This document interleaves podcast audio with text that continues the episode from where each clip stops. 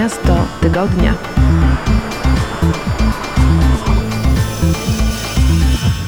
Witajcie, nazywam się Błażej Grygiel, zapraszam Was na kolejne spotkanie w programie Miasto Tygodnia. Dzisiaj odwiedzamy Bahrajn, a konkretnie miasto Manama, największe miasto w tym kraju, a o tajemnicach i ciekawostkach tych miejsc opowie nam Agnieszka Jasińska, która w Bahrajnie spędziła półtora roku. Zapraszam na naszą rozmowę. Miasto Tygodnia.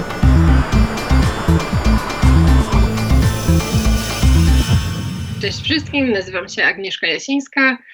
E, przez półtora roku mieszkałam w Bahrajnie, obecnie przebywam w Polsce. Pracowałam przez dłuższy czas jako cabin crew, najpierw półtora roku tam, teraz, znaczy wcześniej jeszcze pracowałam w Polsce przez jakiś czas. E, I dla osób zainteresowanych trochę bardziej stroną wizualną, to mogę zaprosić na mojego Instagrama. To na razie Instagram prywatny. Nazwa to Shan przez 3A. Powiedz mi e, przede wszystkim, jak trafiłaś do Bahrajnu na tak długi czas? Trafiłam tam zupełnie przypadkowo, bo po prostu dostałam pracę i stwierdziłam, że raz się żyje, trzeba spróbować. Tym bardziej, że udało mi się wcześniej dowiedzieć i zresztą podczas jakby rekrutacji do tej firmy też przedstawiali nam to państwo. Więc dowiedziałam się już wcześniej, że nie będzie tam tak restrykcyjnie jak, nie wiem, w Arabii Saudyjskiej, która zresztą graniczy z Bahrajnem. Więc podjęłam trochę szaloną decyzję, bo poleciałam spakowałam się tak naprawdę w miesiąc i poleciałam nie wiedząc, gdzie do końca lecę i jak to będzie tak naprawdę wyglądać. No rzeczywiście brzmi bardzo odważnie, jak przygoda. W jakim konkretnie regionie Bahrajnu, w jakim mieście mieszkałaś? To znaczy, Bahrajn ogólnie jest bardzo małą wyspą, więc tak naprawdę tam, gdzie znajduje się lotnisko, czyli jest to Manama, no to jest to stolica i tak naprawdę główne miasto. Wszystko reszta to są jakby obrzeża Manamy, ale czym dalej, tym bardziej jest już pustynia i tak naprawdę jakichś innych większych miejscowości tam nie ma. Są ewentualnie takie jakby namioty na pustyni, w których mieszkają pracownicy wydobywający, czy pracujący przy wydobywaniu ropy naftowej. A więc tak naprawdę mieszkałam w jedynym tym większym mieście, czyli Manamie, tym bardziej, że zależało pracodawcy, abym miała blisko do lotniska. Spędziłaś tam półtora roku. Oczywiście nie uda nam się tego podsumować w czasie kilkunastu minut naszej rozmowy, ale powiedz mi, jaki był twój pierwszy, taki pierwszy, czy był w ogóle szok? jakiś, jeżeli jak przyjechałaś z Polski do tego miejsca? Jakie były twoje pierwsze wrażenia, kiedy trafiłaś do Bahrajnu, do Manamy, do tej nowej kultury zupełnie? Myślę, że takie pierwsze odczucie to byłam w szoku, że jest zimno. Co prawda, oczywiście nie było tak zimno jak w Polsce, ale wydawało mi się, że cały rok ta temperatura będzie tam ponad 20 stopni, a było tak no nie powiem, że bardzo zimno, by było około 16-17, ale był bardzo porywisty wiatr. Ja pamiętam do tej pory, że moje pierwsze w ogóle zdjęcie z Bahrajnu to jestem w kurtce i z rozwianymi włosami, ponieważ tak strasznie wiało, że nie dało się inaczej. Całą twarz miałam zakrytą włosami. A jeżeli chodzi o kulturę, to e, jakby zauważyłam, że nie ma takich barier, jakie ludziom wydaje się w Polsce, myślę często, że są mieszkając w kraju arabskim, czyli ja w żadnym stopniu nie muszę się zakrywać mogę chodzić w normalnych ubraniach, nikogo jakby nie interesuje, nie ma jakichś takich wrogich spojrzeń, że przyjechałam z Europy i nie wiem, nie mam na sobie e, ich jakby szaty, czyli nie mam burki, e, hijabu, tylko po prostu chodzę normalnie ubrana, wszyscy są bardzo życzliwi, więc myślę, że też nie spodziewałam się takiej otwartości. No i myślę, że też zdecydowanie szokiem dla mnie były te sztuczne wyspy, bo na jednej z nich na początku zamieszkałam i sam jakby fakt tak dziwnie skonstruowanego miejsca, gdzie wjeżdża się przez bramę, żeby wjechać na tą sztuczną wyspę i która jest tak idealnie zaplanowana architektonicznie, to było zdecydowanie interesujące. Jak wygląda codzienne funkcjonowanie w takim mieście jak Manama? Zdziwiła cię temperatura, a zastanawiam się, czy tam na przykład jest tłoczno, czy jest sporo ludzi, czy po ulicach e, można się swobodnie, normalnie poruszać, czy jest dużo samochodów. Jak wygląda taka codzienność tego miasta? To jest bardzo, myślę, ciekawe też, ponieważ nie wiemy w sumie jak w innych krajach arabskich, ale w Bahrajnie jest tak, że przez to, że ropa jest tak tania, wszyscy jeżdżą samochodem, więc tak naprawdę miasto nie jest praktycznie w ogóle przystosowane do pieszych. Oczywiście chodzić można, głównie jeżeli są jakieś takie porządne chodniki, no to one są gdzieś przy, przy morzu, żeby po prostu takie dla biegaczy, dla kogoś, kto jeździ na rowerze. Natomiast jeżeli chodzi o się, przemieszczanie się po mieście, to czasami trzeba nadrobić kilometr, dwa, żeby dojść do przejścia dla pieszych. I nawet jakby chciało się przejść gdzieś w ulicę, no powiedzmy nie do końca dozwolonym miejscu, to są takie specjalne jakby płoty pomiędzy jezdniami, specjalnie, żeby to uniemożliwić. Więc na pewno Bahrain jest krajem bardzo ciężkim dla pieszych. Tak naprawdę komunikacja miejska również nie bardzo tam działa. Jakby w samym centrum e, miasta Manamy jest tam parę autobusów, które, z których głównie korzystają e, ci pracownicy tacy fizyczni albo pracownicy, którzy u kogoś są pomocą domową, to oni rzeczywiście dojeżdżają często tą komunikacją miejską, ale to jest, tak jak mówię, głównie na jakby poziomie samego tego centrum.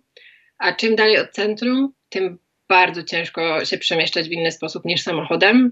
Ja osobiście zawsze praktycznie jeździłam Uberem, nigdy nie wsiadłam do autobusu, ponieważ po prostu w miejscach, w których mieszkałam, nigdy nie było autobusu żadnego w pobliżu. Musiałabym przejść przynajmniej 2-3 kilometry do przystanku autobusowego, więc to mijało się z celem. Tym bardziej jak się jeździło na zakupy, żeby z tym wszystkim chodzić.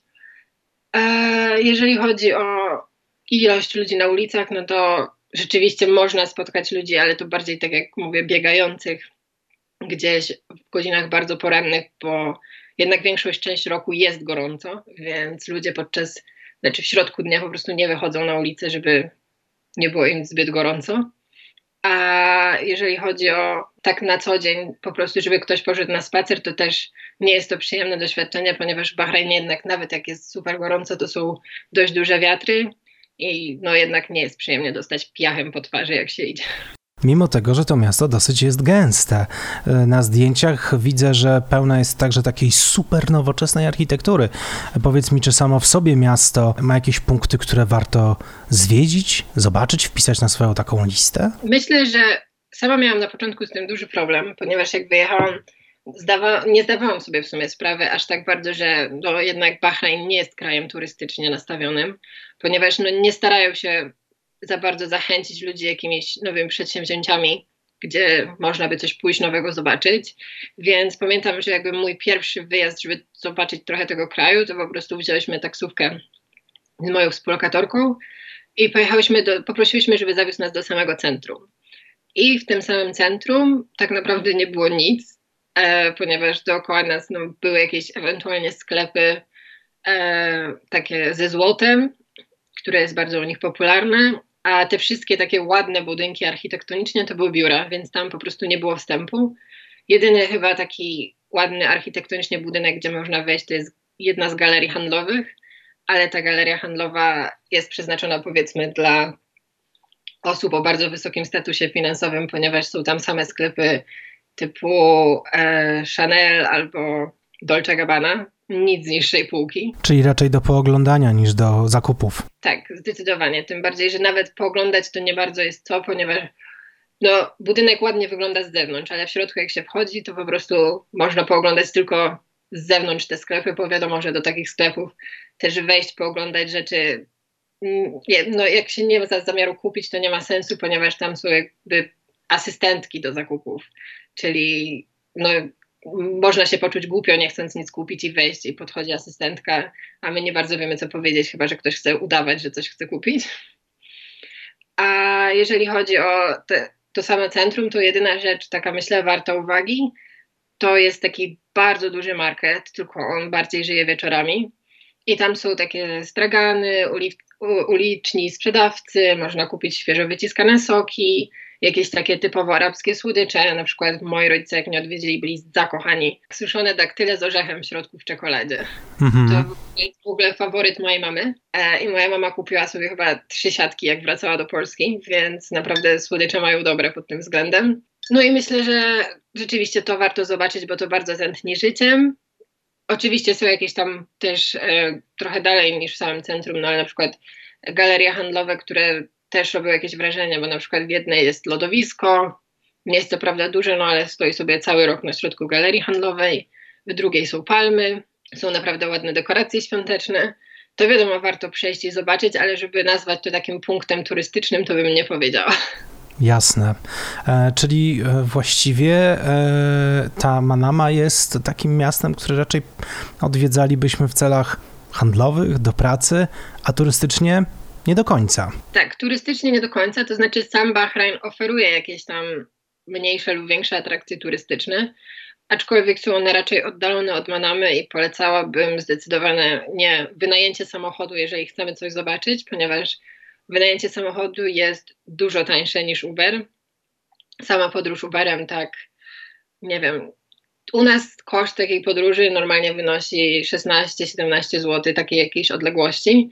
Tam taka sama odległość będzie wynosić 35-40 zł, więc myślę, że przebicie jest duże, a to nie, jest, to nie są duże odległości, więc jeżeli chcielibyśmy pojechać gdzieś rzeczywiście na południe wyspy, żeby zobaczyć coś innego, to koszty byłyby kosmiczne. A wynajęcie samochodu, z tego co pamiętam, jeżeli kogoś będzie to interesować, to płaciłam około 600 zł za tydzień w wypożyczalni na lotnisku. Wspominałaś, że dookoła głównie jest pustynia. Czy Manama jest takim punktem, z którego można właśnie gdzieś się wybrać na jakąś wycieczkę, żeby lepiej poznać Bahrain jako, jako kraj? Myślę, że tak, zdecydowanie. Tylko, tak jak mówię, trzeba mieć ten samochód. Przyznam się, że ja, będąc tam rok, nie wyjechałam nigdzie, ponieważ no, samochodu nie kupowałam, a też nie miałam za bardzo czasu, żeby wypożyczać, bo jednak bardzo dużo czasu spędzałam w pracy. Dopiero zmieniło się to, kiedy odwiedzili mnie rodzice na święta. I jakby pożyczyliśmy samochód, to rzeczywiście pojechaliśmy na południe wyspy. I tam na przykład jest taki bardzo ciekawy, jakby coś ala zoo, nazywa się to sanktuarium, z tym, że jest to takie powiedzmy bardziej otwarte miejsce, jeżeli chodzi o zwierzęta. No i tam rzeczywiście jest bardzo ładnie też zrobione, jeżeli chodzi o ogrody. I możemy spacerować, obok tam jest taka zagro znaczy zagroda. Są flamingi po prostu w wodzie obok, które sobie chodzą. E, możemy tam zobaczyć jakieś takie też wielbłądy, inne domowe zwierzęta. Są też tygrysy jak, i w każdym razie wszystkie te dziksze zwierzęta rzeczywiście są bardziej odizolowane ale te takie zwierzęta, które no nie, nie powinny zrobić nam krzywdy, są na wyciągnięcie ręki, można powiedzieć, czyli jakiś struś i tym podobne. I myślę, że taki, takie dość przyjemne miejsce na spacer. Obok tego miejsca jest również park wodny, w którym akurat nie byłam, ponieważ jako, że był to grudzień i temperatura trochę spadła, e, park był zamknięty, więc nie jestem pewna dokładnie w jakich miesiącach on działa, ale jest dość duży i z tego co słyszałam, Myślę, że można tam spędzić spokojnie cały dzień. Jeszcze takim bardzo popularnym miejscem w Bahrajnie jest tak zwane drzewo życia. Co prawda i ja, i wszystkie osoby, które znam, były nim bardzo zawiedzione, ponieważ drzewo to znajduje się bardzo daleko. Trzeba jechać no, przynajmniej dwie godziny. I tak naprawdę nie robi takiego wrażenia jak na zdjęciach w internecie, gdzie to powinno być po prostu samotne drzewo na środku pustyni. Tylko tak naprawdę jest to drzewo, pod którym siedzi masa osób, ponieważ znajduje się dookoła, znaczy dookoła drzewa znajdują się obozy jakby, obóz to takie złe słowo, ale nie wiem jak to inaczej nazwać. Obozowiska, tak? tak trochę tak, obozowiska osób, które pracują przy, tych, e, przy tym wydobyciu ropy. To sa dla samego drzewa nie warto tam jechać, ale jakby właśnie jadąc mijamy te obozowiska na środku pustyni, no i to wygląda na pewno interesująco robi wrażenie, bo są te wielkie kominy, z których bucha ogień, a dookoła są setki namiotów, w których mieszkają ludzie, którzy tam pracują. I naprawdę nie spodziewałam się, że tych ludzi jest aż tak dużo. Czy w Bahrajnie widać jakieś dysproporcje społeczne, jeżeli chodzi właśnie o tych ludzi, którzy przyjeżdżają tam do pracy i tych ludzi, którzy, że tak powiem, są na górze, korzystają jakby z dobrodziejstw tej pracy? Myślę, że zdecydowanie. Szczególnie też jeżeli chodzi o sam jakby zatrudnienie, sam e, sam status społeczny, jakby jak, jaki daje dana praca, bo na samym Uberze spotkamy samych Hindusów. E, w sklepach jako kasjerów też spotkamy w 90% Hindusów. E, tak naprawdę osoby tamtejsze, czyli e, Bahrajńczyków, chyba tak to się po polsku mówi, to spotkałam prac, pracujących tylko w banku, jak mam załatwiać jakieś swoje sprawy, Ewentualnie spotkałam ich jeszcze u lekarza, ale nawet u lekarza w 90% pracowali Hindusi. Tak samo wszystkie budowy, wszystkie takie ciężkie fizyczne prace tylko oni wykonują.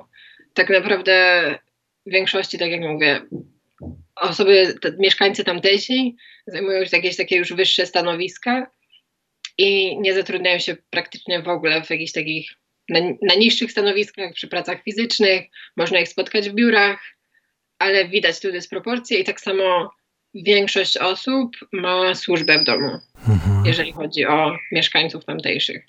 Powiedz mi jeszcze a propos tego jedzenia na sam koniec, bo wspominałaś, że do polskiego jedzenia tęskniłaś. Co się je w Bahrajnie? W tym temacie ja jestem właśnie niestety chyba najgorszą osobą do rozmawiania, do rozmawiania o jedzeniu za granicą, ponieważ ja jestem strasznie wybredna i ja praktycznie nie jadam nic, e, jeżeli chodzi o tamtejsze rzeczy, bo tam jednak ryż, pikantne smaki, czyli kompletnie wszystko, e, czego nie jadam ja.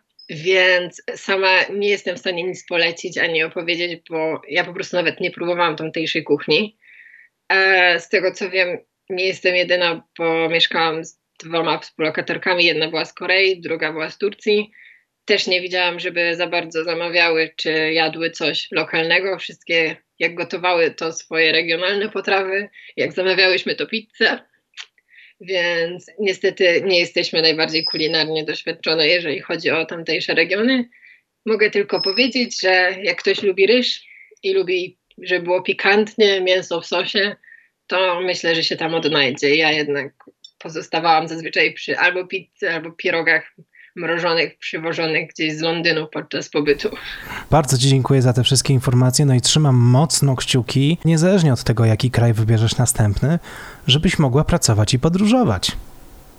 Dziękuję bardzo, mam nadzieję, że uda się, ponieważ teraz w obecnych czasach jest to dość ciężkie, ale dziękuję bardzo. Miasto tygodnia.